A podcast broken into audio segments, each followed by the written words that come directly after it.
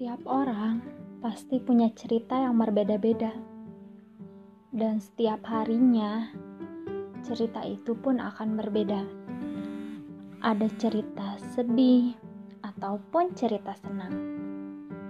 So, aku Windy Rostiani Putri. Mari kita bercerita di cerita hari ini bersama Windy.